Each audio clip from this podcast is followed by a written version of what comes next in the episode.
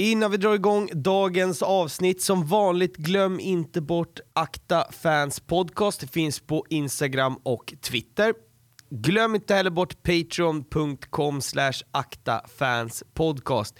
Eh, vi har pratat om det lite tidigare. Eh, jag och eh, min klippare Ruben, vi sitter och diskuterar lite vad som kan göra liksom, mervärdet inne på Patreon. Och har du tankar och idéer så är det bara att höra av eh, dig till mig helt enkelt.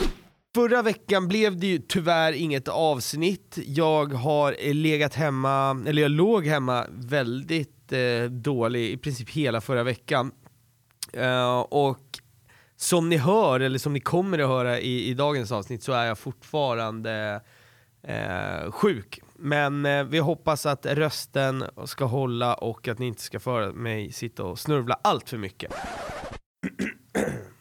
Idag ska vi tillbaka till Västerås. Jag satte mig ner med Emil och pratade VSK med fokus på tifo-verksamheten runt klubben. I dagens avsnitt ska vi prata om smaklösa banderoller i Tillberga. Vi kommer gå in på jojo-åkandet i seriesystemet gällande fotbollen. SM-gulden i bandyn på både herr och damsidan.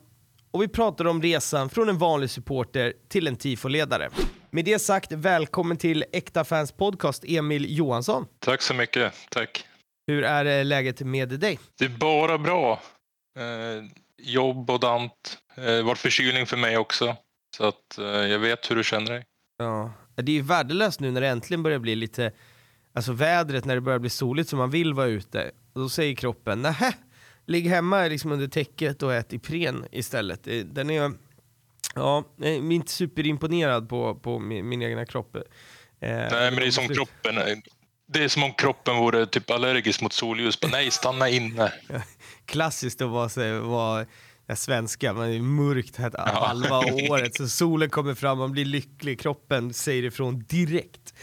Ja, det är eh, helt sjukt. Ja, men verkligen, verkligen. Hur är, um, hur är liksom pulsen nu? Vi har ju en, en fotbollssäsong som är annalkande och en bandysäsong som ja. av, ganska nyss kan man väl säga tagit, tagit slut. Sådär. Hur, är, hur är idrottspulsen just för tillfället? Just nu är den väl eh, den har varit på helspänn under slutspelet i bandyn. Eh, det ska jag inte säga någonting om. Gick ner eh, lite igår då när vi åkte ut mot Villa. Mm. Femte avgörande. Men eh, det är som du säger, det är en fotbollssäsong runt hörnet så det är bara att ladda om batterierna. Så att, eh, men det ska bli spännande. Mm. Vi kommer gå in och prata lite. Vi kommer ju prata både fotboll och bandy för er som lyssnar i mm. det här avsnittet. Men hur, hur är liksom, för, för mig, för jag vet ju, det finns ju jättemånga som, som har liksom eh, sitt lag i flera, flera idrotter. Jag som har liksom AIK närmast hjärtat, jag har ju hockeyn där jag inte är aktiv. Jag går ju inte på, på, på hockey av mina an, liksom, diverse anledningar. Men, men hur är den känslan? Är det, är det skönt att, ja fan nu är det slut, nu kan jag lägga fullt fokus på på fotbollen eller är det, kan det ibland vara jobbigt att man liksom aldrig får en paus så att säga? Nej men det är väl skönt. Jag som har, har varit tifoledare, jag har alltid haft någonting att göra liksom. Mm. Det har hela tiden varit fokus på nya tifon oavsett om det varit fotboll eller bandy. Så de har ju liksom gått in i varandra säsongerna. Så på så sätt har det varit skönt. Och sen vet jag att vissa supportrar följer bara bandyn. Vissa supportrar följer bara fotbollen. Så att vissa har det uppdelat och, och vissa följer bägge. Mm, mm. Så att det är väl lite från person till person men eh, från mig sett så då är det ju bägge, det är skönt. Ja. Då har man någonting året om. Ja. Nej, för jag har lärt mig att liksom nu när man eh, liksom lagt sitt fokus på en idrott, gillar liksom så här silly season, värvningar, man sitter och får, får, får längta lite efter det. För mig så har jag liksom hittat, hittat kärleken och, och glädjen i det. Men hur är det, alltså i och med att ni, ni nu har varit inne i ett slutspel i bandyn och liksom träningsmatcher och, Svenska kuppen och sådär. Hur är det när säsongerna går in i varandra så att säga? Nej, det är väl Alltså, jag tänker just när du jobbar med tifon också, det måste ju vara, kan vara så här avgörande match i Svenska Kuppen och i slutspel i bandy med, med en dags mellanrum. Det, är, vet, det måste ju vara hur ja, som helst. Vi hade ju för något år sedan när vi skulle göra, vi höll på med fotbollstifot inför premiären. Samtidigt så hamnade vi i SM-final med både tjejer och killar i bandyn. Mm. Då skulle vi liksom göra två tifon där också. Mm. Så det blir lite, men då får man liksom börja prioritera. Vad, vad är viktigast? Vad ska vi göra? Vad kan vi göra? Mm. Eh, vi kanske gör något enklare här, eh, någon kompromisslösning.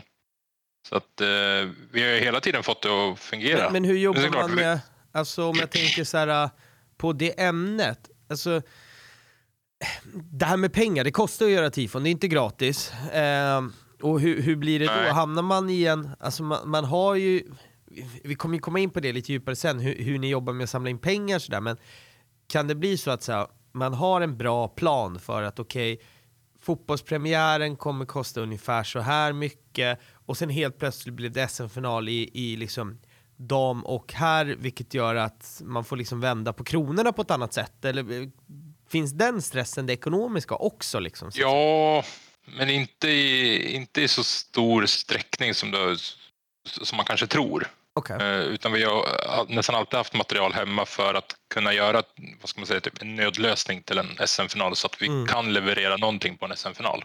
Ja. Eh, och I vissa fall då har vi fått gjort en, specifik insamling för kanske en, en premiär eller en, en SM-final. Mm, mm. Så att det finns alltså, pengar i kistan Ja. till den matchen. Liksom. Ja. ja, vi kommer ju prata som sagt, eh, det kommer bli väldigt mycket tifo-surr idag. Eh, jag hoppas att det ska bli alltså, nivå nördigt eh, om, om tifo här idag.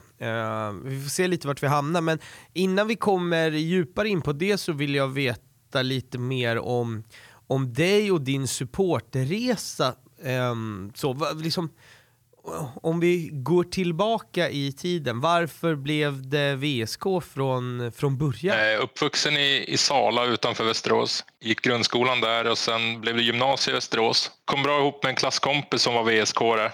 2008-2009 där. Mm. Tog han, med, han bara, men det är klart du ska med på match. Det är en fredagsmatch. Dricka lite bärs, träffa lite nytt folk. Ja. Ja, jag är väl inte omöjligt tänkte jag. Jag är ändå sportintresserad. Mm. Jag hade aldrig gått på VSK innan det. Nå, pratar vi bandy eller fotboll då? Nu pratar vi bandy. Men oavsett så jag hade aldrig gått på VSK som, alltså som lag, varken fotboll fattar. eller bandy. Mm, mm. Eh, Jag var mer hockeykille när jag var, alltså växte upp. Ja. Så att, eh, men då, eh, ja, men- följ med. Det är, det är Bayern borta, det är en fredag. Det blir, det blir rolig match på Zinken. Ja, jag tänkte absolut. Tog med mig några bärs, träffade lite polare. Slutade väl egentligen med att v- våran buss blev stormad. De ville, de ville köra handgemäng utanför mus- våran buss när vi skulle åka därifrån. Ja. Det var så här, jaha, är det, är det så här det känns att komma till Zinken en fredag? Ja. Eh, På den vägen var det. Alltså det, det var väl kul att, att träffa nya människor, uh, sjunga lite och, och så. Men då var du ganska, alltså, om man säger av, alla jag har intervjuat här i podden så brukar ju, det vanligaste är ju typ så här, farsan tog med mig när jag var sju eller någonting. Du var ju ganska liksom sen på bollen så att säga i det här i och med att då, då är du inte uppväxt med det, du har inte fått det hemifrån liksom. Du fick en, Nej. en VSK-halsduk på dig när du liksom gick till förskolan. Eh, hur, hur var den att ställa om liksom och hitta sitt supporterskap eh, när man fick välja själv, eller vad fan man ska säga. Alltså när, när man inte, föräldrarna bestämde åt den. Tror du att det är enklare eller alltså svårare? Förstår du min fråga? Ja, men jag har inget bra svar på det. Alltså det blev bara med automatik att ja, men följ med på match och sen vart det att det vart fler och fler matcher. De hörde av sig, de här killarna som jag träffade på den matchen att Ja. ja, men nu går vi på den här matchen. Kom och måla lite flaggor innan och, och, och lite så vidare. Så det vart liksom att man, det blev mina nya vänner i livet. Mm. Det blev min, min andra familj. Ja. Hade en i Sala och en i Västerås. ja, men det blir lite så att man hamnar i olika ska man säga, faser i livet. Det är väl ett klassiskt Ja, men lite grann. Ja, men det känns bra att säga så. Ja. Alltså jag tänker att vi ska ta eh, bara eh, kort om så här VSK som klubb. Det första jag tänker på när jag tänker VSK, här vet jag inte om jag är rätt, eh, rätt på det, men blev vi inte...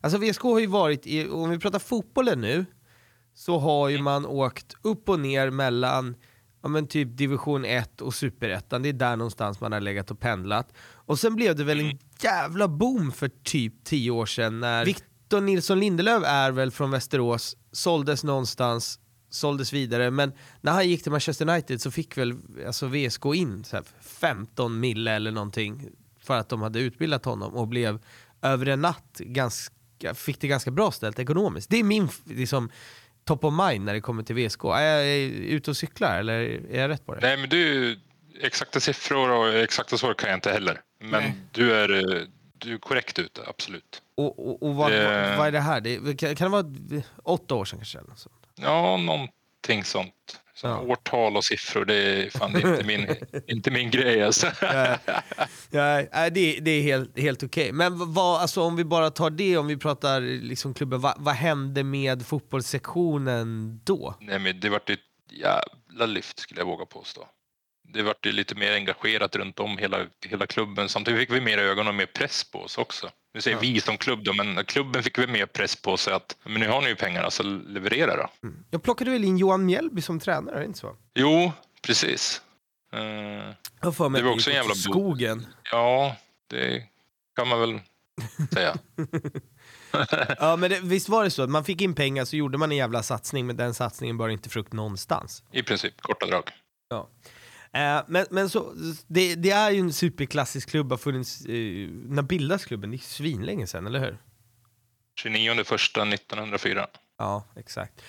Och så, så fotbollsklubben har ju, eh, om, man, om man ska säga så här, där har man inte riktigt i modern tid tagit det här steget till att kunna klättra upp och vara allsvenskan eller vara topplag i, i, i superettan un, under längre perioder.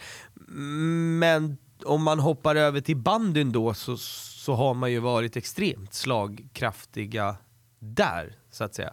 Ja. Alltså hur bra är man, ja, hur ska vi uttrycka det här? då?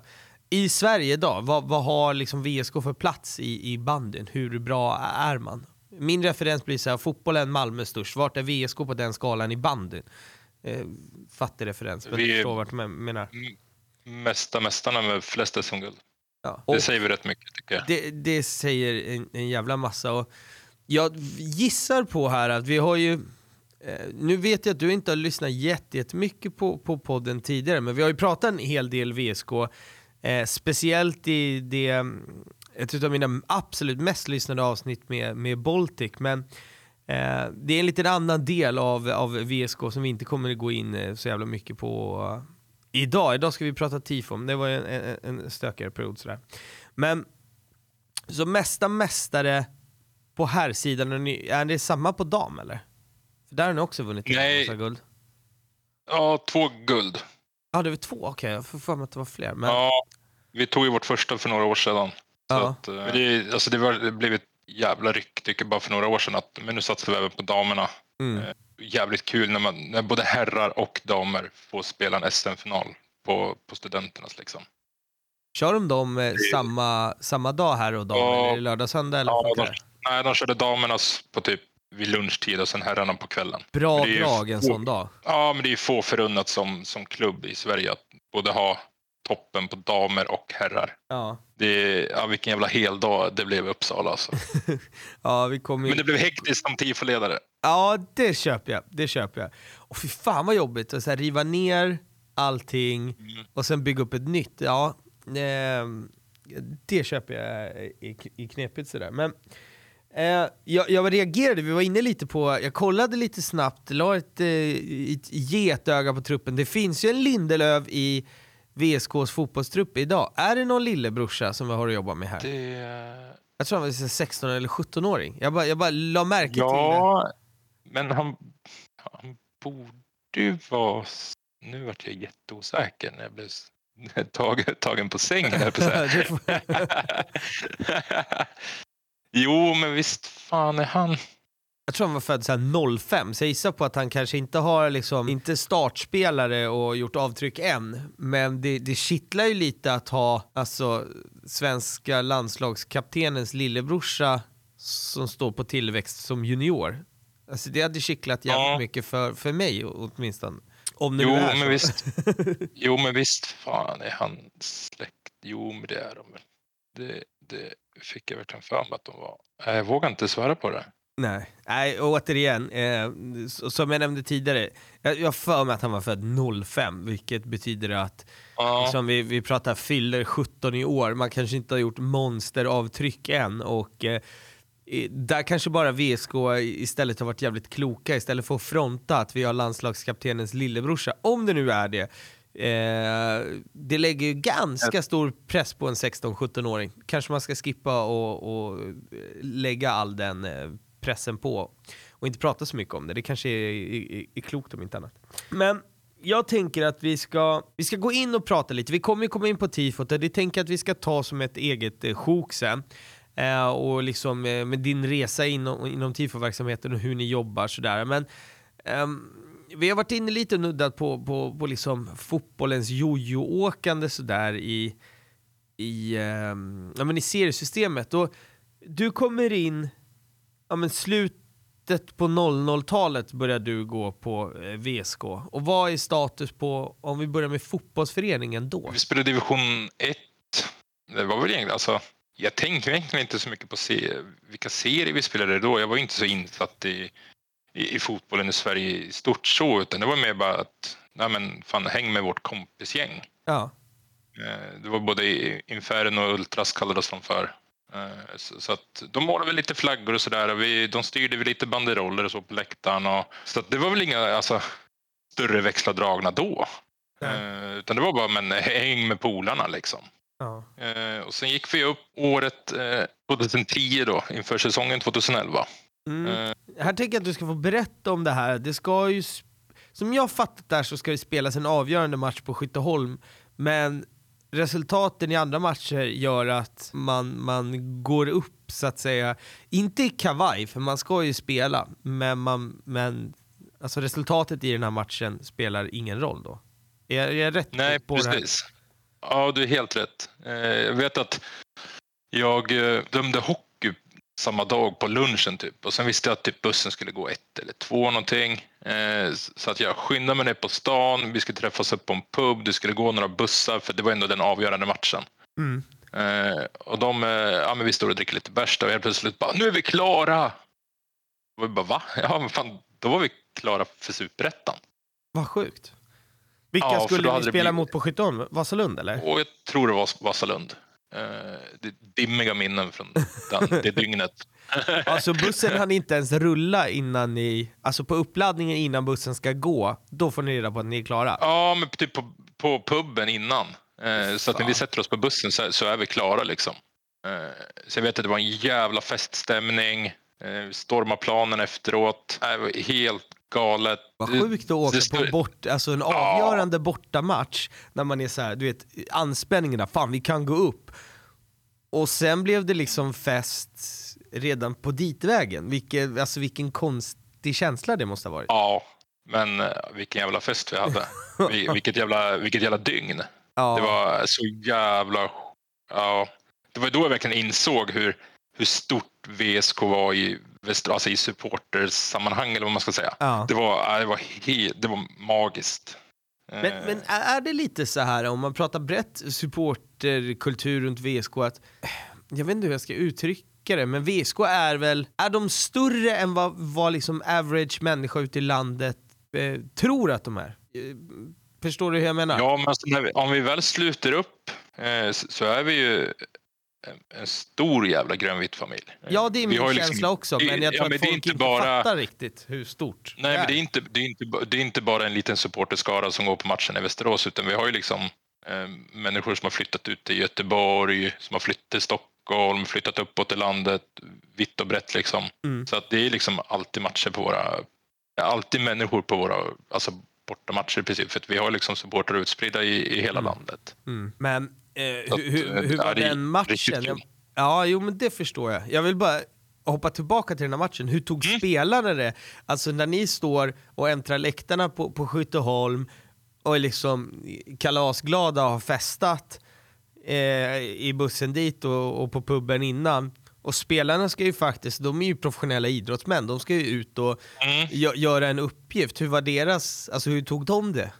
Alltså jag kan bara Jag vet att- tänka mig Jag själv. vet att jag har läst någon, Ja, eh, jag har läst någon intervju att eh, det var lite svårt att typ greppa det. Men att de försökte göra det bästa situationen men, men, men torska med 2-1 men var klara ändå. Ja. Så att det, det är klart, alltså, jag kan ju bara sätta in mig själv om man skulle gå ut på en plan och man visste att man var klar. Va, Jag, va, hade bara, alltså, jag hade försökt bara tunnla folk och alltså, haft show och garvat. Alltså, det, men det är kanske, säger mer om mig än om, om någonting annat. Men alltså, eh, är du med? Jag hade ju bara försökt Ja. bjuda på lite show och vara lite skön typ. mm. Nej Ja. men det, det Jag tror att om man, om man skulle kolla på om man, om man skulle ha filmat matchen då Mm. Och kolla på nu 13 år senare, så jag menar, då hade man nog sett tendenser till, till att de, det märktes att de, att de var klara. Ja, så är det ju.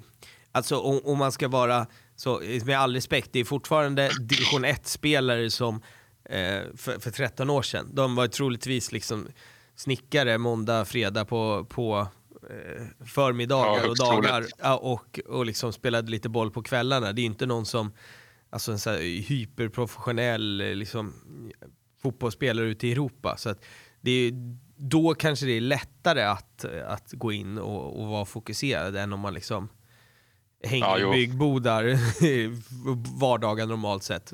Alltså, Jo, det är sant. eh, så tänker jag bara. Men, ehm, ja, men Jag vet bara lite, att ja, när vi, ja, jag vet bara att när vi, eh, ja, vi, när vi kom hem sen så gick vi till samma pub. Och det var ju bara att, ja men fan, nu, nu festar vi. Till slut då tyckte bartendern att nej men nu har ni festat tillräckligt långt in på nattimmarna där. Så hon ställde sig på bardisken, sprutade vatten på alla bara, nu går ni hem, det är stängt. det var på den nivån. Ja, men. Och då är det hem till Så, någons nej, lägenhet och fortsätta festa. Det, ja. Men det är, Ja. fan, det är, såna här, um, det är sådana tillfällen man lever för alltså, som, som supporter. Så det, mm, Och jag bodde i Sala, så jag visste inte, jag visste inte jag skulle ta mig hem, så jag fick slagga hos den här polaren som hade dragit in mig i VSK. Han, han fick ju dra nitlotten då och ta med mig hem. Så att eh, morgonen efter så väckte han mig med en, med en kopp kaffe och sen VLT då, det är nyhetsblaskan här i Västerås. Amen. Att eh, du kolla fan, det är sant idag också, vi har gått upp. Och jag bara, helvete, jag ska ju till jobbet. Oh. Så jag, ett- ett snabbt bara, "Det är jag har akuttid hos tandläkaren. Jag, jag kommer in vid lunch. Kom till jobbet, de bara, var det en tuff natt eller? Vi vet att du hejar på VSK. Ja. Ja. ja, men vad fan så där blir det. Jag kommer ihåg, det, det, jag vet inte om jag sagt det här någon gång i podden, men jag, jag, när jag var typ 21 eller 22, det lär väl vara, du, du, du och jag är lika gamla, så det är väl i samma, Ja. samma tidsepok, men typ 10-11 år sedan eller något sånt där. Så min, min chef tog in mig i ett rum, jag hade ganska mycket sjukanmälningar under en halvårs tid. Och jag var alltid så här, men vadå, fan, jag är lite då- dåligt immunförsvar. Och sen la han upp mina sjukanmälningar som han hade tagit datumen och sen la han upp AIKs spelschema på ett papper, så hade skrivit ut båda. Då hade jag så här, sju sjukanmälningar dagen efter AIK hade lirat och det var alla mina sjukanmälningar som jag hade det halvåret. Är det blir- tufft. det- Ja, vad fan, vad ska man göra? Men Coinsequence. Ja, det var ju bara, det var ju bara, det ju, gick inte att förklara bort det såklart. Eh, Kryp till korset.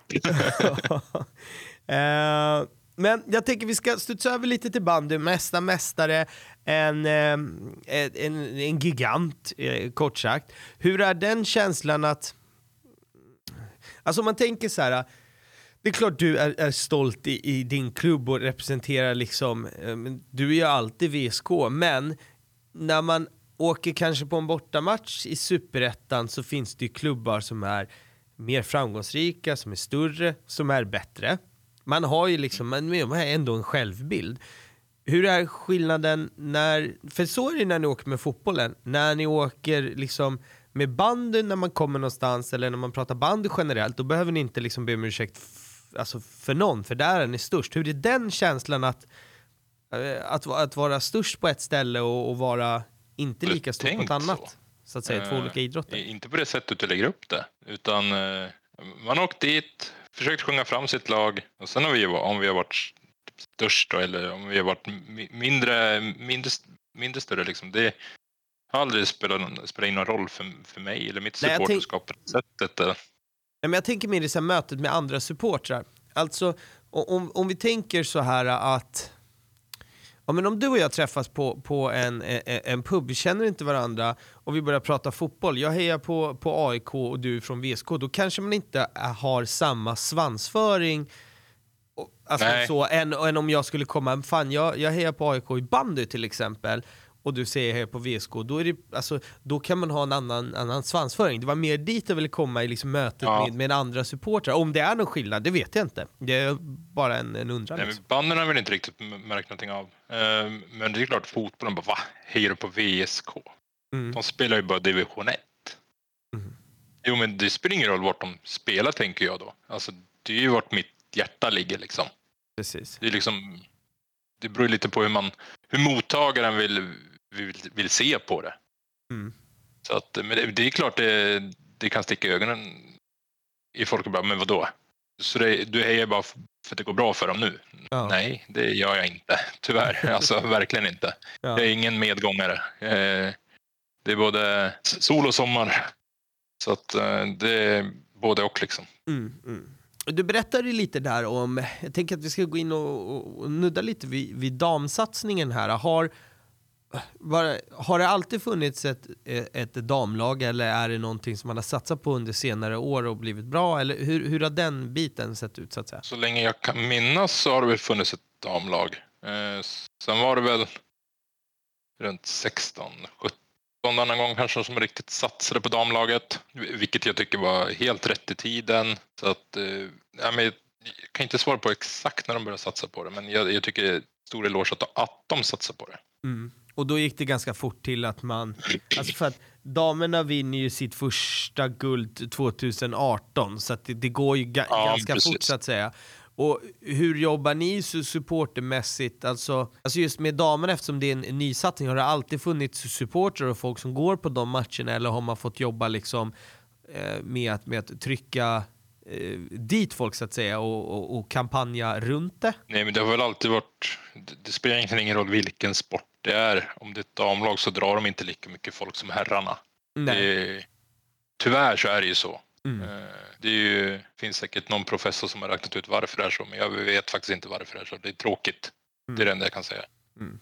Men ur, ur ett tifo-perspektiv så eh, vi har väl inte direkt gjort, vi har inte gjort någon premiärtifon för, för tjejerna utan det har ju bara varit enskilda typ då finaltifon som vi har lagt vår tid. Mm. Utan vi vill ju synas på det sättet och då har vi valt eh, herrlaget. Eh, för då får vi mer publicitet. Mm. Eh, och då, då har det blivit så att men, ska vi satsa någon gång på tjejerna så är det om de, om de går till final. För då är de värda ett, ett finaltifo. Liksom. Då är de värda ett tifo. Liksom. Mm. Så att, och sen var det snack om att vi skulle göra eh, premiärtifon då när, efter att de hade tagit sitt första guld, eller sitt andra guld och så. Men får man ju, alltså det är pandemi, det är folk, det är ekonomi. Det är mycket som ska spela in för att det ska klaffa liksom. Ofta sa de ju typ veckorna efter varandra då, både herrar och damer. Då är det så här, ja men vart ska vi lägga tiden, vart ska vi lägga pengarna Mm. och energin? Mm.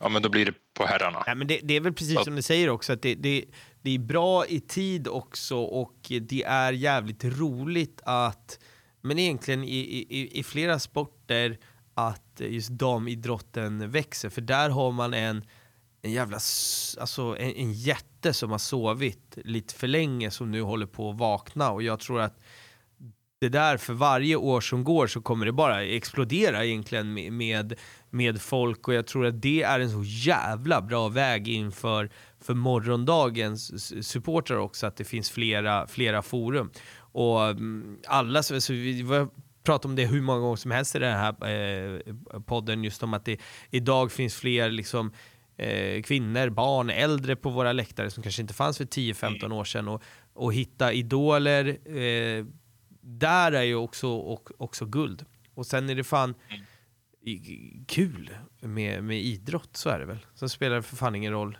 alltså vilket kön eller vilken, alltså fan egentligen inte vilken sport det är heller. Det är ju bara kul med idrott. Eh, Ja. För jag, jag tänk, kan ju bara tänka så här ur ett sponsorperspektiv om man ändå ska prata ekonomi. Ja. Jag menar, hade jag som storsponsor alltså, valt mellan två klubbar och kastat mina pengar på. Ja. Då hade ju tagit den klubben som hade ett damlag och ett herrlag och inte 100%. bara ett herrlag. 100 procent. Då får man ju med, då får man ju med mångfalden tänker jag. Mm. Och jag Ja, tror absolut. att det är fler och fler företag som ser så. Har man en juniorverksamhet, har man ett, en damverksamhet, har man en, en seniorverksamhet på herrsidan, eh, ja men då lägger jag mina pengar där. Ja, eh, definitivt. Uh, definitivt. Eh, alltså folk som är med i matchen hur, hur samhället ser ut och vart, vart samhället är, Ja, på, på väg. Eh, att, att man ligger i framkant där. Sen är det väl, det finns väl sådana här, om man ska, jag vet inte hur djupt vi ska gå in på det, men det är väl också en sån här samhällsgrej att har man idoler som till exempel eh, ja, men, eh, ett, ett VSK i, liksom, i bandy damer ja, men då kanske man eh, vill börja spela bandy själv. Folk idrottar eh, längre och mer så att säga. Det är väl också siffror på att eh, alltså barn, om man tänker killar, spelar generellt längre håller på med sin idrott än vad, än vad tjejer gör. Eh, finns väl vinningar för hela samhället eh, i det också. Kan jag gissa på. Jag är ingen professor i ämnet men eh, en lekmannagissning sådär. Jag tänker att vi ska gå in, vi har nuddat vid det och du har nuddat vid det flera, flertalet gånger, men jag vill gå in och prata om er tifo-verksamhet där du har varit eh, ja, men ledare kort sagt. Och som jag har förstått så, du, eller du har ju berättat också att redan direkt de det första du kommer i kontakt med när du börjar gå på VSK, då är det kanske lite mer småskaligt med att ja, men fan, häng på, vi målar lite flaggor, det kanske är någon tvåpinne eller man börjar lite smått. Men eh, du har själv sagt att 2009 då började du figurera runt eh, tifo-verksamheten. Vad var det som fick dig liksom att, eh, ja men vad var tjusningen med det då så att säga? Det var ju mer alltså ha polare att hänga med. Alltså mm. vänner. Det, det var väl det, gemenskapen, en samhörighet. Mm. En, som, jag lite, som jag också var inne på, en, en andra familj. Mm. Jag hade liksom en i Sala eh, och sen har jag ja, med mina supporterkompisar och då även klasskompis i, i Västerås. Ja. Vilket gjorde att ja, men vi träffades innan matcherna, vi, vi krökade lite, vi kunde spela tv-spel en hel helg, eh, måla lite flaggor. Det vart liksom en, på en helt annan nivå som jag aldrig varit med om, men som de här killarna kanske var uppvuxna i. Liksom. Mm. Det kan ju vara personer som har haft, eh, pappa gav mig en VSK-halsduk när jag var liten, liksom, men en mm. annan kom in i det i, en, inte vuxen ålder, men ändå gymnasieålder. Mm. Så att eh, på den vägen var det att jag, jag vet att en av tidigare medlemmarna, eh, han låg hemma i sitt vardagsrum med, med plastsäckar på golvet för att det inte skulle komma färg igenom på tyger och målade flaggor för att ja. vi skulle kunna ha någonting att presentera på läktaren. Mm. Så att, eh, men, men bara den grejen. Och jag tror det är så det föds i, i många föreningar. Eh, att ja, men jag gör mina flaggor hemma i garaget eller i min lägenhet och, och så vidare. Och jag tycker det är det som är så jävla charmigt med hela tifot. Eh, mm. Att det är kärlek, men ligger du hemma i ditt vardagsrum och gör en flagga, då gör du inte bara för att, utan då har du verkligen kärlek för klubben. Exakt. Du har kärlek för det du gör. Det är tid och, tid och kärlek bakom det de mm. skapar. Liksom. Men är det då det här kompisgänget som du lär känna här, är det de som är liksom VSK-tifo?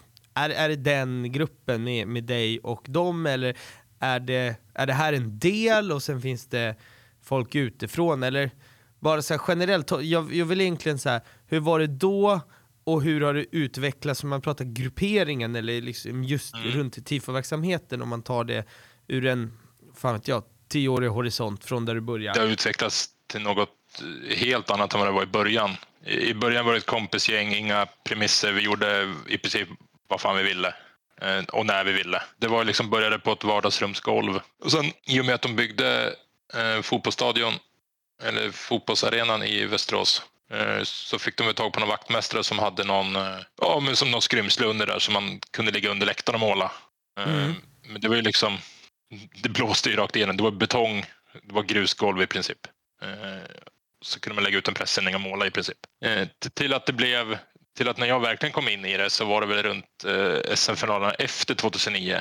Det var väl bortåt 15-16 där någon gång. Mm. Som det blev riktigt att, ja men fan vi, är klart vi ska satsa på att göra riktigt typ så här overhead-flagga eh, som går över publiken.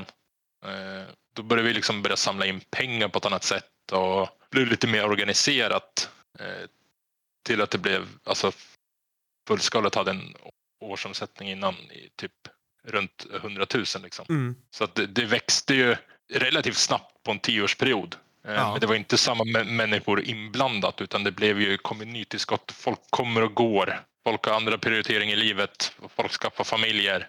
Mm. Eh, folk vill inte göra det. Folk flyttar. Eh, så att det har väl alltid varit ruljans på, på folk och, och lokaler och allting så i storleksmässigt. Mm. Så att det är väl egentligen den den korta historien om det. ja, och jag fattar att man kan sitta i fyra timmar och prata om det. Uh, ja, ja, men, precis. Nej, men eh, intressant. Och det har ju, du har själv sagt så här, det har varit fyra, fem pers som har varit liksom, som har varit, eh, hur ska man uttrycka kärnan kanske i det. Eh, ja, men, när vi var mer seriös eh, tifogrupp då var det väl en fyra, fem, max sex personer som ständigt aktiva liksom, i, mm. i tifogruppen. Men hur är Så det? var väl någon slags kärna liksom. Ja, och jag, jag, nu alltså vi kommer ju såklart lägga upp bilder på vad ni har skapat via Instagram och, och Twitter, mm. men har det räckt med att vara 4, 5, 6 gubbar eller har ni ibland behövt eh, få in hjälp med liksom fler händer, fler huvuden liksom? Och hur enkelt är det inom VSK att lägga ut på Twitter, fan vi skulle behöva, vi har en stor målning på gång, vi skulle behöva extra händer. Och har det funnits folk som backar upp er eller har, det liksom, har ni fått göra allting själva? Målandet har vi eh, oftast gjort själva. Eh, det är typ det runt omkring. Typ behöver, vi behöver hjälp med transporter. Eh, mm. Ja, men då är det någon som har fixat en minibuss. Det har varit något företag som har gått in med en minibuss till en släpkärra. Här, mm. varsågod, ta. Vi har behövt VP-rör. Då har det varit någon, eh, något företag som antingen köpt VP-rör eller någon elfirma som bara, men vi tömde vårt lager på VP-rör här, varsågod. Mm. Det, är liksom, det har alltid funnits folk, företag och organisationer runt omkring som har ställt upp på det vi behöver. Ja. Så det, på så sätt har det, är det ju positivt, eller vad man ska säga, i en så pass stor supporterkrets som vi har varit. Mm. Och hur, eh, hur, är, alltså hur är klubben inställda till er? Eh, om man tänker både bandy och fotbollen. Vissa klubbar älskar ju sina eh, tifogrupperingar eh, och förenklar för dem. Eh, vissa klubbar tycker att de är avskum eh, och inte förenklar för dem så att säga. Hur, hur har samarbetet eh, liksom historiskt funkat med klubben och är det så att de bara är tillmötesgående? Så fan behöver ni måla? Låna, låna arenan eller kom hit och måla och hjälper till liksom sådär. Eller hur har det funkat? Det har funkat hur bra som helst. Det är kanske många som tror som du säger att ja men fan, de, man, att man inte är tillmötesgående. Mm. Men som i, som i bandyn där har vi haft jättebra kontakt med, med både spelartruppen eh, som har typ skänkt grejer till oss så att vi kan aktionera ut och så, så att vi har fått in pengar. Vi har haft hjälp med att vi behöver komma in i arenan typ två dagar innan när det är julledigt i hela Västerås för att vi ska göra en mm. annandagstifo. Eh, vi har fått vara i arenan och, och måla. De har frågat om vi behöver hjälp något. Ja, men ni kan låna vår minibuss. Eh, låna den, åk och gör det ni ska, kom tillbaks med bilen sen. Liksom så enkla grejer. Har man bara haft en kommunikation, då har det ju fungerat. Så jag behövde numret till säkerhetsansvarig inför en SM-final. Men här, mm. varsågod, ta numret, ring honom. Och han var ju bara glad att vi hörde av oss att det inte kom som en överraskning att vi skulle mm. göra tifo på finaldagen. Mm. Så det, det, varit... det, måste underlätta som satan när man har en klubb som verkligen ja, drar ja. åt samma håll så att säga. Ja, och fotbollen också. Där har vi liksom varit med arenaägaren att ja, men vad kan vi sätta upp på arenan så att vi kan hitta upp tifon? Ja, men ni kan sätta upp så här och då kan det sitta hela säsongen. Mm. Ja, men fan vad grymt. För det har varit, alla har ju varit tillmötesgående. Sen har det, det finns ju alltid pissluffare alltså, som, som inte vill oss väl. Ja, såklart. Så, så, så är det. Inga namn nämnda, men det, det, är klart vi har mött på motstånd ibland. Men då har vi snabbt parerat och sen har vi bara gått på nästa person och, och frågat om det är okej. Okay, liksom. mm, mm. Och den har jag ja absolut, kör, kör. Eh, du har också nämnt att ni har ett inofficiellt världsrekord för bandytifo. Jag har ingen aning vart mm. vi kommer landa här, men jag vill veta vad menas? Nej, det, det var det, när det var. Jag ska faktiskt googla lite, för det finns en jättebra artikel där jag har lite information om det. Det var 2017. Okej. Okay. Bollnäs eh, i premiären. Vi hade ju vunnit guld året innan, eh, 2016. Mm. Så det är året efter vi har tagit guld och då blir det alltid så här, nu ska vi ladda. Nu, i princip hyllas då för, för det de gjorde förra året. Liksom. Mm, mm. Eh, och jag låg hemma någonstans och kollade på, på Band Brothers, eller på Band of Brothers. Mm, eh, kände lite gemenskap och så i den filmen. Jag bara, men fan det är ju liksom Band Brothers. Det är ju VSK-familjen. Ja. I, i bandyset. Så vi kände väl att men fan, vi gör någonting. Vi, vi googlar lite och kollar om det största bandytifot som, som har skapats. Mm. Och eh, vi hittade väl att, vi ska se, Brobergs tifogrupp, de hade också en tifogrupp. Mm. Eh, de som fanns, alltså dokumenterat så hade de ett på 259 kvadratmeter. Eh, stort alltså. Vi kände, det är stort för dem. Ja, alltså det är ja, stort det är... generellt och för de här alltså bandyarenorna, alltså det, det är inga Friends Arena vi har att göra med här eller? Nej, utan det är ett par plåtlådor i, som vi har i Sverige. Liksom. Ja, exakt. Ja, fortsätt. Nej, så då kände vi väl att, ja, fan, vi måste göra, vi ska slå det. Då tänkte vi, hur fan ska vi lyckas göra det? ja, men då kom vi tänka, men fan, om vi, om, om vi kastar upp en, en bandyboll och en puck som är, med, med ett snöre i över en balk i, i bandyhallen. Och om vi gör typ tre, fyra stycken sådana så kan vi hissa upp tifot. Ja, Det blir rätt fränt, för då blir det som en vägg framför hela jävla publiken. ja. Och sen när den kommer ner sen, så då är ju hela grönvita familjen bakom där. Mm. Ja, då började vi tänka på motiv. Vi bara, vad fan ska vi göra? Ja, men då gör vi Bander Brothers. Så vi gjorde silhuetter av varenda spelare. Eh, och sen står det Bander Brothers. Skitfränt så här över hela. Folk kan googla Bander Brothers. Så Ja, men vi, vi kommer ju lägga upp det här på, på Ja. Instagram och Twitter definitivt. Det här blir ju main-bilden. eh, då, eh, när vi hade lyckats med det så mätte vi då hur långt tyget var och allting. Då mätte det till 306 kvadratmeter. Oj, På något sätt då, så, då tog vi titeln till att det var ett inofficiellt världsrekord. Ja. För att vi hittade in, ingenstans att någon har gjort något större någonstans. Nej. Äh, Är det någon av lyssnarna som känner till det så får ni väl eh, eh, slå oss på fingrarna på, eh, via Instagram eller Twitter. Eh, får vi diskutera det där. Men det är... Nu, nu bara min nästa fråga är att du, du sa att ja, men vi brukar vara 4, 5, 6 pers som målar. Nu har vi jobbat med 306 kvadratmeter sa vi va? Ja, Eh, var ni så få som målade 306 kvadratmeter? vi kan ha varit ja, fem, sex stycken. Fan, Men det var väl tre, tre, fyra som i princip låg varenda kväll. Ja, hur länge tog det att skapa? Vi började i augusti och sen var vi klara kvällen innan premiären Och den var... i oktober. Fy fan. Hur stolt är man när man står och tittar på det då och har lagt ner tre månader av sitt, sitt liv och försakat familj, Ja. andra vänner, kanske partner i livet och så vidare. Hur mår man Ja, det går en gåshud på kroppen nu när vi pratar om det bara. Mm, Eh. Just då det vart sån jävla genomslagskraft så vi, fick, vi tryckte upp t-shirtar med, med liksom motivet på Band Brothers. Eh, jag gick, alltså det blev riktigt det blev skriverier om det självklart. Klubben skrev ju om det typ samma kväll. Eh, Elitserien.se skrev om det.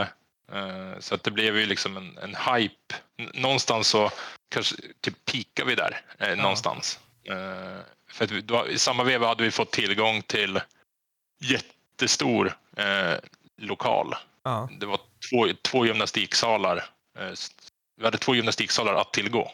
Okej. Så att eh, på det sättet, hade vi inte haft de lokalerna vi hade, då hade vi inte kunnat gjort det.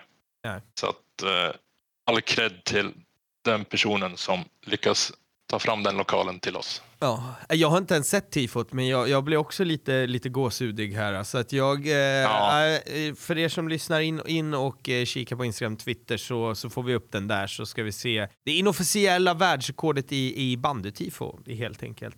Sen har du också Men det sagt folk, att... det Ja, folk ska veta när, när de ser det, det är att vi gjorde ju varje kvadrat, alltså vi använde ingen overhead-apparat som man kan använda när man gör tifo eller, eller så. Vi skickade inte iväg det för tryckning eller så, utan vi skalade upp, vi skalade ner det till kvadratmeter för kvadratmeter. ja.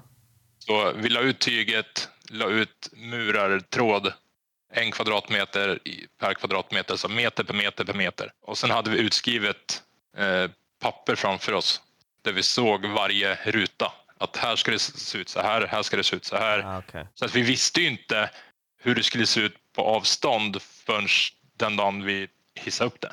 Men alltså en, en fråga här för mig som aldrig varit så involverad i tifo-verksamhet. Hur vet man hur fan man ska göra? Alltså hur lär man sig eller sitter man och spånar? Hur gör vi det här nu? Vi har aldrig gjort ett så här stort tifo. Hur fan får vi till det praktiskt? Sitter man och bollar fram idéer? Okej, vi gör kvadratmeter Ja. rutor och sen syr vi ihop det. Eller läser man på något forum? Hur har ni gjort? Eller hur kommer man fram till hur man ska jobba så att säga? Nej, det, alltså, det är väl lite så här som jag varit inne på all, när jag pratar med, med typ som eh, reportrar har ringt och, och frågat mig typ samma fråga. Ja. Att, eh, alltid, vi kopierar ju aldrig andra klubbars tifo och deras motiv utan det enda vi gör det är att vi tar ju inspiration och då är det kanske av tekniska lösningar, hur man Ja. hänger upp grejer, hur man hur man målar, hur, hur kan man göra det här på ett snyggt sätt? Hur gjorde de så där? Hur fick de till den effekten? Då får man försöka lyssna för att även om, man avslöjar typ aldrig sina hemligheter.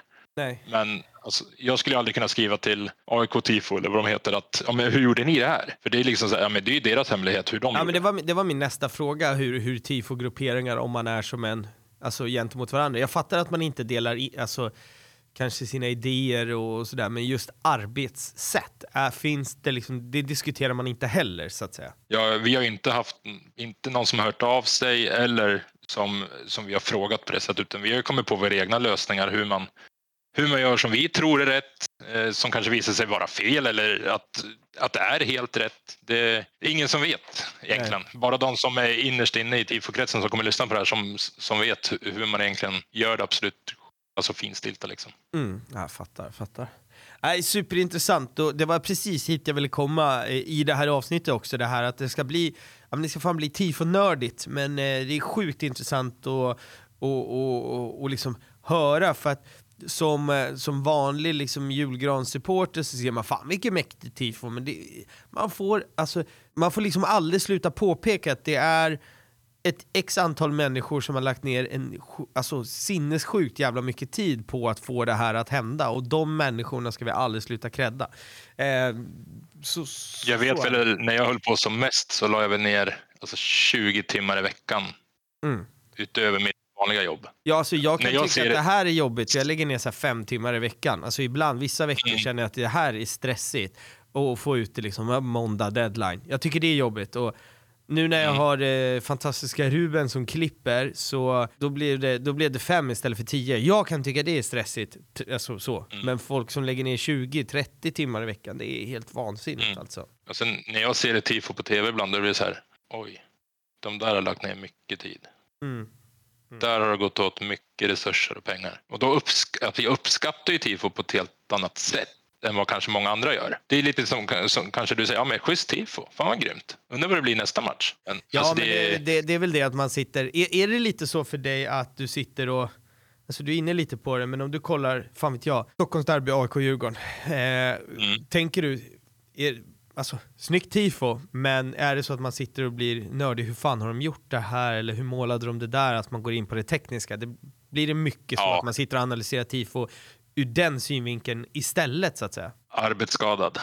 Ja, jag kan tänka mig det. Alltså, ja, det, speciellt när jag var inne i det som, som mest. Liksom. Nu har Ja. jag ändå lagt av som tifoledare, men när jag var inne i det som mest, då, alltså, jag sket ju i själva matchen. Jag ville ju bara se tifot. Och sen googlade jag bilder från olika vinklar. Det var Instagram för att kolla om någon hade taggat typ AIK tifo för att kolla om man kunde få se olika vinklar. Hur såg det ut bakifrån? Hur, kunde man se nå- någon bild på upphäggningen? Alltså, hur hade de fäste? Vad hade de för snören? Alltså det var allt sånt. Mm. Så att eh, mina anteckningar i telefonen, de, eh, det är mycket så här, om jag skulle kolla tillbaka på det nu, bara vad fan skrev jag här? Men det var så här, ja, men veprör två gånger det, eh, det snöret, det, det, det. Men som sagt, ar- arbetsskada. Ah, ja, Så ja, att, jag eh, förstår det.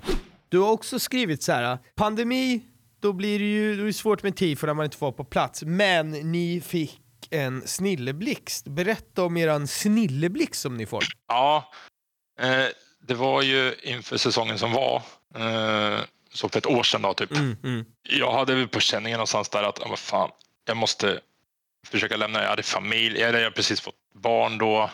Men någonstans måste jag försöka fasa ut. Eh, Men jag ville liksom inte göra det bara, ah, hej, jag lämnar nu, hej då. Mm.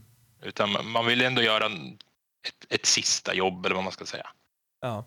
Så att, det var typ som en bankrånare, bara, men sista stöten. Ja, det det jag Eh, tänkte på. Sista Ja. åket i skidbacken, när man alltid bryter benen. Ja, men precis. Ja, men typ.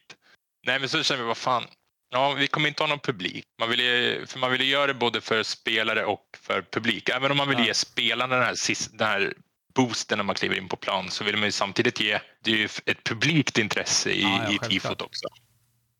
Så att då känner vi, vad fan, om vi gör ett tifo, pandemi, vi får typ inte komma in på arenan på matchdagen. Ja. Men, ja, men om, vi, om vi åker dit och sen om vi sätter upp tifot och sen låter vi det sitta så kollar vi hur länge det sitter. Ja. Ja, men, ja, men vad fan, då sätter vi upp en, vi sätter upp en vi gör det som en tavla. Vi sätter upp en, en trä, träram på läktaren, på betongläktaren. Mhm. Liksom ligger över de här jävla häng, som man står och hänger på på läktaren. Mm. Mm. Och, och sen fäster vi tyget över det och sen häftar vi fast det. Då, då borde det sitta ett bra jävla tag. Ja. Och sagt och gjort så, så började vi göra tifo. Så vi gjorde tre olika sektioner som vi satte ihop med lite stadssilhuetter sådär. Så att vi tänkte att men det blir inte bara så här typ kämpa på och krossa IFK. Nej, men alltså Ja. inte bara för en match utan det ska funka kanske under en hel säsong eller tills man släpper på publik. Mm. Så vi eh, fick tag på en byggfirma eller en trädgård här i Västerås som eh, skickade en jävla lastbil med, med virke. Kom och hissa upp det på läktaren så vi kunde börja skruva i ordning en ram. Några målade nere i vår skrubb. Eh, och sen åkte vi till arenan. Då var det så här, som vi var inne på tidigare, att ja, men fan, vi måste ha hjälp att sätta upp det här. Det här klarar vi inte på tre pers. Mm. Så då skrev vi bara skrev ut en blänkare att ja, på söndag eh, så ni som har längtat efter att gå in på fotbollsarenan får möjlighet fast det är pandemi. Ni får möjligheten att känna och klämma på gräset och hjälpa tifogruppen sätta upp deras tifo. Ja. Vet, folk hade ju sån fotbollsabstinens så de bara "Ja, absolut vi kommer. Så vi var väl en nio pers kanske. Alltså Ja. det, det är nog mer än de där tre som kanske skulle ha stått där. Liksom. Amen, amen. Och så var det någon som fixade ordning så att eh, det var en pizzeria som sponsrade med lite pizza så de i all snöblask som kom samtidigt som vi satte upp det där så, så var det varm pizza. Men eh, då häfte vi fast det där och sen fick det sitta ja, halva säsongen kanske, lagom tills man släppte på. Det fick sitta någon månad där, lagom tills de släppte upp publiken igen. Så att det var jävligt kul att se varje match hemma på, eh, på tvn. Att Mm. ja, men fan, tifot sitter där. Eh, Och så stod det My, My City in Love och sen var det stadssilhuetterna med, med grön solstråle bakom. Över hela ståplatsläktaren. Eh, återigen, äkta, äh, akt, alltså, Akta Fans podcast på Instagram och Twitter så får vi upp det, eh, det där. Så får vi även eh, Ja, en, en bild på, på, på det här eh, såklart. Sen har vi en grej till. Vi ska snart in och liksom eh, knyta ihop dina år inom, inom eh, TIFO-verksamheten. Sen har vi en away days som, som ligger. Men innan det så du har skrivit smaklös banderoll mot Tillberga bandy. Vad är detta för någonting? Nej, vi hade, man har ju alltid att man ska försöka åka mot ett, eh, i banden annan dag. Eh, då är det meningen att ja, men typ, det är hemvända match. Alltså alla, alla går på matchen. Det är annandagsbandy. Det är lite som julafton för, för bandyälskare. Då, eh, vi brukar alltid få, åka till Sandviken eller närliggande städer eh, som spelar mot oss. Eh, alltid, här, alltid mycket folk och allting. Men så hade vi Tillberga som är från Västerås Mm. i samma serie. Så varannat år hade vi hemmamatch och varannat år hade vi bortamatch fast det var i samma arena. Så det, det var ju inte jättekul liksom. Vi kände någonstans att fan, vi, nej, vi måste trycka åt den här jävla Tillberga. Det var liksom, det var dags. Så, så vi gjorde en, en banderoll eh, där vi skrev eh, kä- känsliga, tittare, höll på att säga, känsliga lyssnare varnas. Ja. Ja. Nej, men det, grejen är att jag tycker inte att den är så grov. Eh, det tycker inte de som har hört om det heller, men det stod i alla fall talangfulla TB eh, har vi hört i tio år, men bottenplaceringen kvarstår. Nere i allsvenskan med detta bottenlag så vi 2018 får uppleva en riktig annan dag. Det är stark ändå. Den är inte så farlig. Det tycker jag Nej, inte. jag tycker, alltså jag har ju sett värre om jag säger så. Ja, ja, ja. Men grejen är den att vi bad ju folk på läktaren hålla upp den där. ja. Och det stod, det stod barn som fick hålla i den där och det vet föräldrar som fick se det där. Och bara, hur kan ni låta barn hålla i den där? Det är så magstark och ni borde tycka om Tillberga. Och, vet, det vart sånt mycket skriverier på Twitter. Det var, vad fan håller ni på med tänkte jag. Liksom, över en liten banderoll. ja. Men eh, tydligen så, eh, den gick inte hem i husen. Nej. De mest inbitna VSK, de var ju så här, men vad fan det stämmer ju. Ge oss en riktig annan dag. ja. Så att eh, på, på den vägen var det, men det är liksom så här. Det är som jag säger, visst, den är ingen magstark. Nej. Nej, det tycker inte jag. Inte, för dig och mig, vi har varit med om värre grejer. Jo det tack. tror jag, det Jo, tror jag lyssnarna också har varit. Ja, ja, verkligen. De kommer ju typ kanske sitta hemma i stugan och skratta att vadå, var den där magstark? Ja, det är ungefär så jag också kände, bara, den är inte magstark, sorry. Ja. Men eh, det finns alltid tyckare där ute. Det har du väldigt rätt i, så är det. Uh, ja, men, uh, härligt. Och det, det som händer, du var lite inne på det, familj, barn gör att uh, du kan liksom inte hålla på i samma tempo och lägga mycket, lika mycket tid och energi på det. Så att någonstans så... Jag vet inte om, eh, om, det är rätt term att använda, att du avslutar eller slutar med det. För att det, tifo liksom, eh, vad säger man, genen eller vad man ska säga, ligger väl alltid kvar. Men ja. du tar ju bort det mest aktiva förra året då så att säga. Eh, berätta, mm. hur, var, hur var det liksom, känslomässigt att backa från det du har hållit på med i över tio år? Det är jättekänslofullt. Alltså det var, det var jättejobbigt. Det var, jag tror ingen vet på riktigt alltså hur mycket tid och kärlek jag har lagt bakom allt tifo-jobb.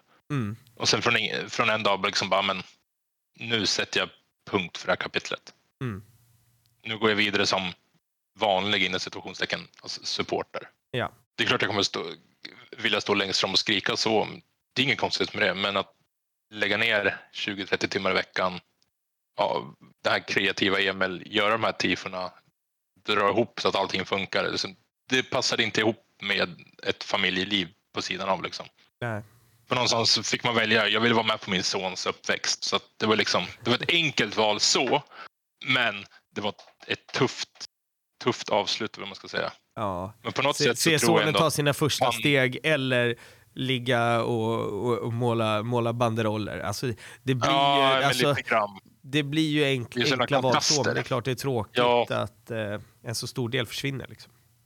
Jo, nej men så är det väl. Men jag tycker det var ändå ett bra avslut. Det var ändå när publiken var på plats. Så att det var bara VLT här i, i stan Tidningsblaskan de eh, ringde och skulle ha något. Ja, men nu släpps publiken på plats. Eh, vad tror du om tankarna? Jag var kul att du ringer för det är min sista match som tifoledare. Så han gjorde om hela artikeln till att tio år som tifoledare, nu lägger han typ penseln på hyllan. Ish, ja. Typ så skrev han. Eh, fick liksom ett heluppslag i tidningen. Så det blir skitkul att de gjorde den typ hyllningen till mig också. Liksom att, men, tack för din tid här. Alltså, varför slutade du? Du fick liksom det sagt mm. istället för att det skulle bli massa frågor. Mm. Så att det kändes, eh, kändes både bra men ändå så här jobbigt att lämna det. För det, nu är det så att ingen har tagit över rollen efter mig så det blir liksom inget stort premiärtifo nu på fotbollen. Det blir inget, det har inte varit något tifon i banden under året.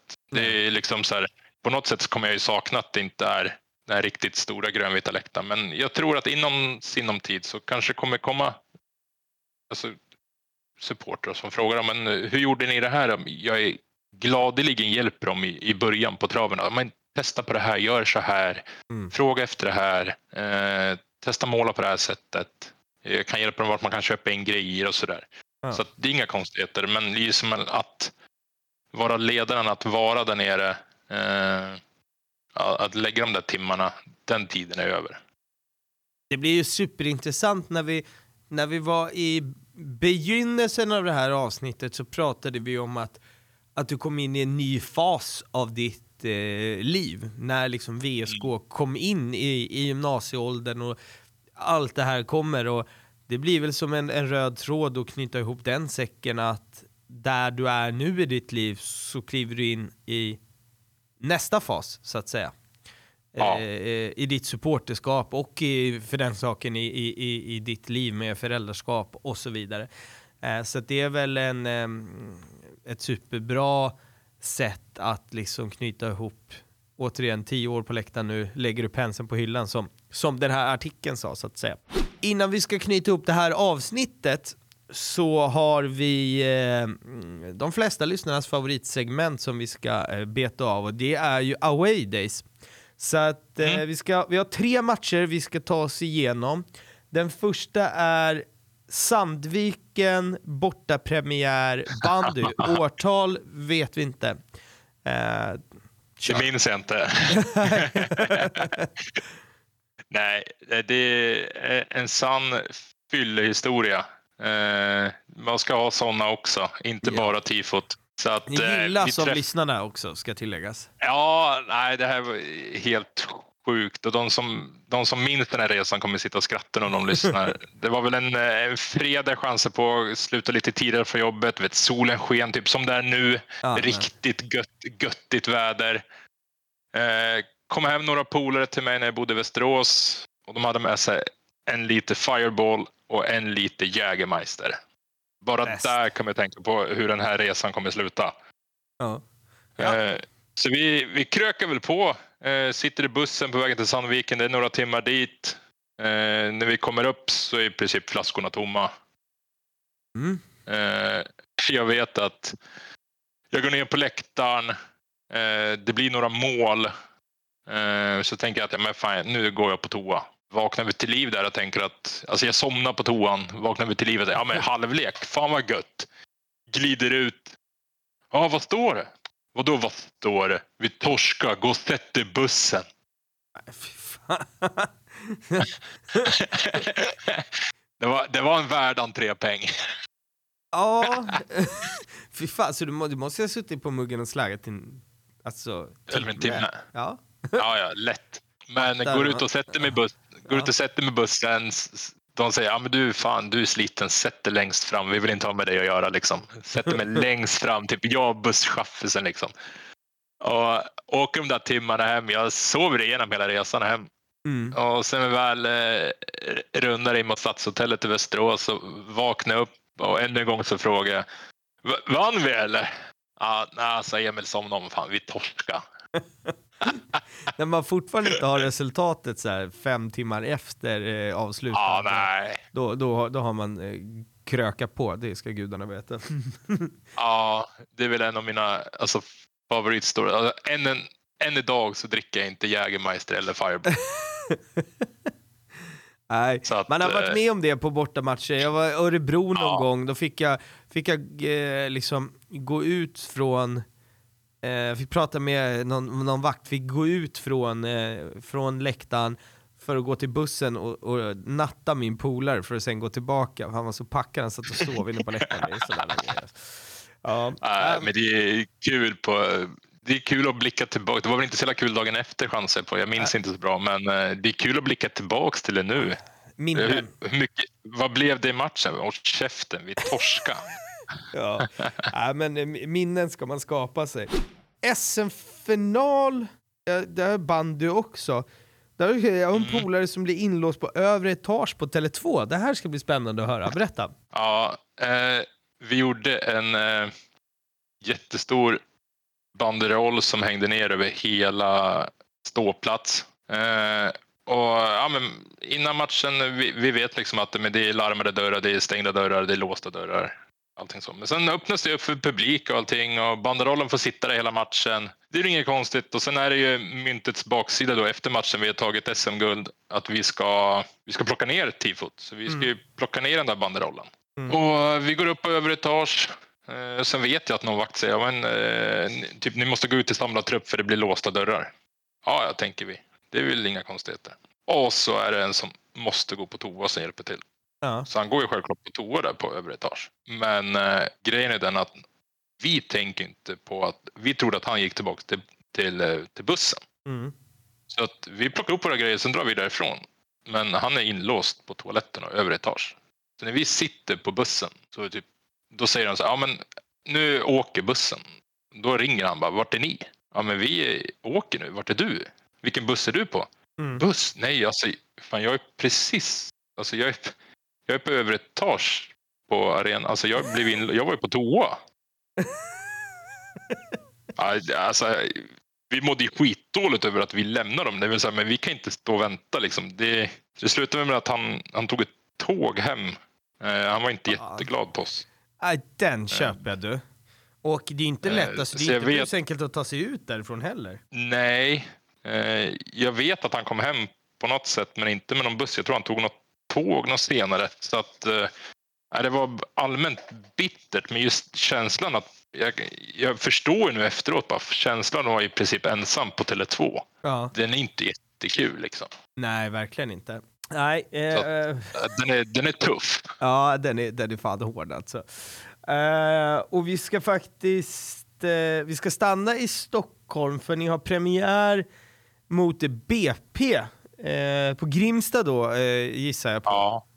Där har vi ett räcke som ger vika för eh, trycket. Berätta. Ja, nej men det var väl, eh, vi var ju skitpeppade alla till Grimsta, jävligt gött väder. Eh, de är lite jävligt, jävligt ful arena Grimsta på det sättet. Det är liksom det är inga kortsidor. Så vi samlades ju på ena, ena stumpen där på långsidan och sen blir det någon mål där så att vet, det är ett jävla tryck framåt. Eh, Så att folk vill ju liksom ner mot räcket. Bara, wow, vi gjorde mål! Och helt plötsligt bara ligger alla nästan så att de kan ta på gräset. Alltså Mm. det är, då är ju främre räcket gett vika för alla. Mm. Fy fan, Så- läskigt. Där ligger vi, bästa sändningstid liksom. Så att det finns ju något jättefin bild som är taget ifrån tv när alla ligger i hög. Bara. Ja. Stor jävla grönvit hög. Helt underbart. Alltså det är verkligen bara, visar vilket engagemang och samtidigt vilken pissig arena BP har. Så att, eh, ja. nej för fan. Det är en underbar känsla. Jag, jag kan tänka mig alltså, de som lyssnar som har var- varit med på Morton, där man liksom, av ren eufori liksom rivit ett stängsel. Alltså vilken känsla det är att kunna berätta efter. Bara, vi var så jävla glada, vi rev ner ett stängsel. Ja, det Och har liksom, något alltså. nej. Eh, definitivt. Att, ja, då, då är det fan tryck på, liksom, på, på läktaren Ja. när, man, eh, när man Då är river det tryck. en... Ja. Visst, det var väl lite pissig, pissig kvalitet eh, på, på det där jävla gallret eller på eh, hänget liksom. Men ändå liksom att det ska kunna ge vika. Man kan ju tycka liksom, vad fan gjorde besiktningsmannen innan liksom? Satt åt korv. Ja, äh, verkligen. Var rikt, riktigt magiskt. Ja, eh, och jag tycker vi har haft ett eh, jävligt magiskt avsnitt här. Vi är på sluttampen. Är det någonting sådär som, som du känner att vi har missat eller som du vill lägga till innan vi tar poddens sista fråga? Jag tycker bara att fler borde engagera sig inom tifo-frågan. Eh, så att, jag menar, det är vi som på något sätt utgör supporterkulturen och alltså läktar, kunna färga läktaren i sitt lags färg. Mm. Alltså det är få förunnat. Även om du bara så gör en tvåpinn eller en, en stor alltså, flagga. Mm. Så att, men det, det är inramningen både för spelarna och för dem runt omkring. Det är sj- sjukt viktigt tycker jag för svensk supporterkultur. Mm. Mm. Ja, För den har du fan inte i något annat land, liksom. inte på samma sätt. Nej, det är Visst, det är faktiskt en mycket- unik grej i Sverige med eh, nivån på våra tifo-arrangemang. Faktiskt. Eh, ser bara liksom senaste året, menar, alla som pumpar ut sin energi efter att de har suttit hemma i pandemin. Liksom. Det, är, det är magi ibland på, läktaren, Mm. eh, på läktarna. Mm. Så det är riktigt kul. Så jag, det skickar jag med till alla som alltså, engagera er i, i tifot om ni har tid. Men en timme är bättre än ingen timme Ja. eh, nere i en tifosgrupp. Liksom. Och ser ni folk som går och skramlar med hinkar, ja, men lägg det du har eller swisha in. Fem kronor är bättre än noll kronor. Eh, Så jag menar, penseln är inte så jävla dyr på Biltema. Liksom.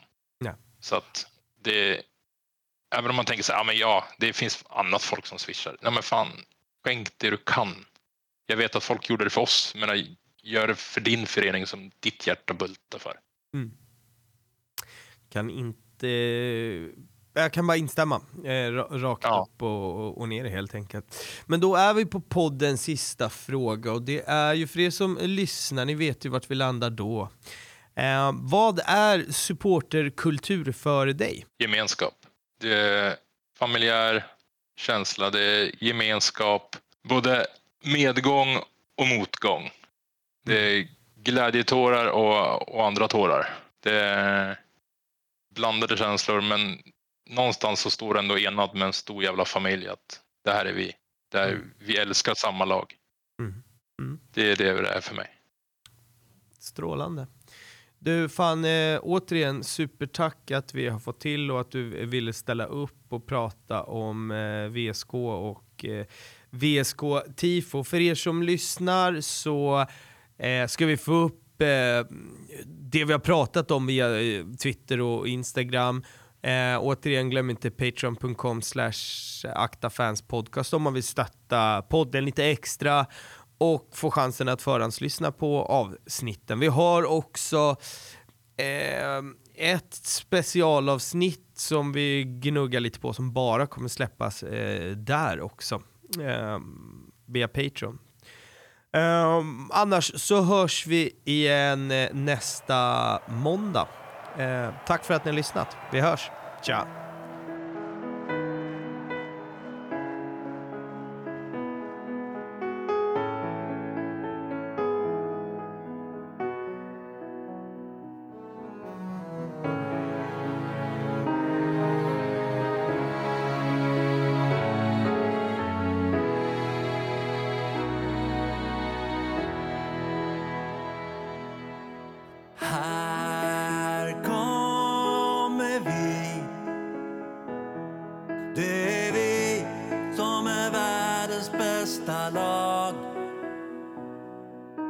Är grönt, vi är vitt, vi är grönvitt. Ja, vi är VSK Kalle där uppe tittar ner. Han blir glad, blir glad av det han ser. Han ser grönt, han ser vitt, han grönvitt Ja,